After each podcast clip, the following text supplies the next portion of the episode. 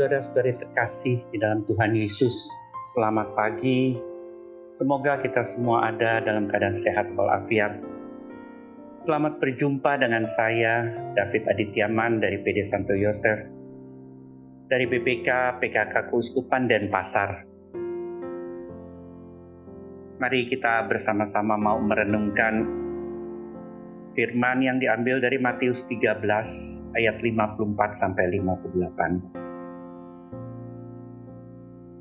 Saudara-saudaraku, penduduk kota Nazaret di mana Yesus pernah tinggal lama merasa kagum mendengar pengajaran Yesus yang penuh hikmat dan wibawa.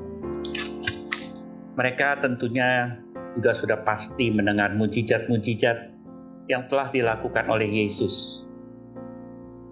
Yang bisu bisa berbicara, yang tuli bisa mendengar, yang lumpuh berjalan, yang buta melihat, yang sakit kusta ditahirkan, wanita yang pendarahan 12 tahun disembuhkan, setan-setan diusir, dan anak perempuan kepala rumah ibadat yang mati dibangkitkan.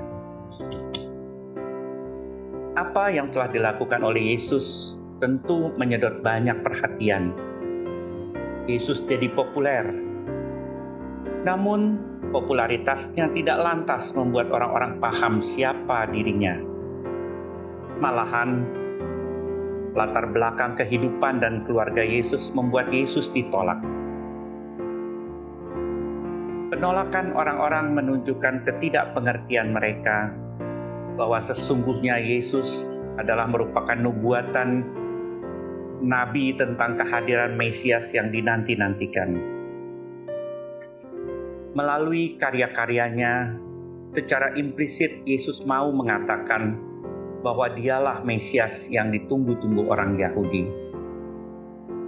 Ketidakpahaman itu juga melahirkan sikap skeptis dan menganggap rendah. Bukankah ia ini anak tukang kayu? Demikian dipertanyakan. Perbuatan-perbuatan ajaib Tuhan Yesus hanya menimbulkan rasa kegaguman manusiawi. Namun mereka tidak memahami bahwa Allah sesungguhnya telah menjadi daging dan tinggal bersama manusia. Ketidakmengertian, ketidakpercayaan, sikap skeptis dan menganggap rendah adalah hal-hal yang menghalangi rahmat Allah sehingga Yesus tidak dapat mengadakan banyak mujizat di Nazaret. Memang benar bahwa manusia butuh pembuktian bagi landasan imannya.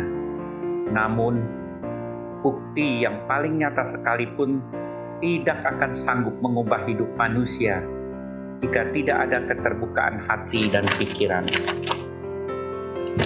Yesus mengalami nasib semua orang yang diutus untuk berkata dan bertindak dalam nama Allah, yaitu ditolak bahkan oleh mereka yang secara jasmani paling dekat yaitu keluarga sendiri. Bukankah hal ini masih sering kita dengar bahwa ada orang-orang yang menjadi pengikut Kristus dikucilkan dan ditolak oleh keluarga sendiri? Ada orang-orang yang mempraktikkan nilai-nilai Injil, yaitu kejujuran, belas kasih, juga sering ditolak, dicurigai, dan disalahartikan. Hari ini kita belajar dari Yesus yang meskipun ditolak tetapi tetap konsisten melaksanakan tugas Bapaknya. Kita juga yang diutus meneruskan karya Yesus harus berani menghadapi risiko ditolak.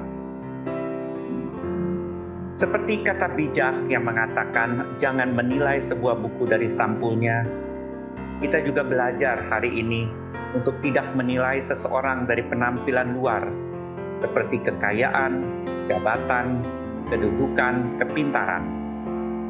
Karya Tuhan terlalu ajaib untuk dapat kita mengerti. Paulus yang tadinya seorang penganiaya jemaat diubah Tuhan menjadi rasul yang hebat.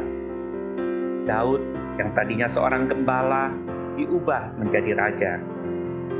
Semoga kita juga selalu terbuka akan karya belas kasih Tuhan agar kita tidak menolak atau memandang rendah orang-orang biasa, sederhana, yang mungkin juga punya karisma dan kepribadian yang mengagumkan. Terima kasih, Tuhan memberkati.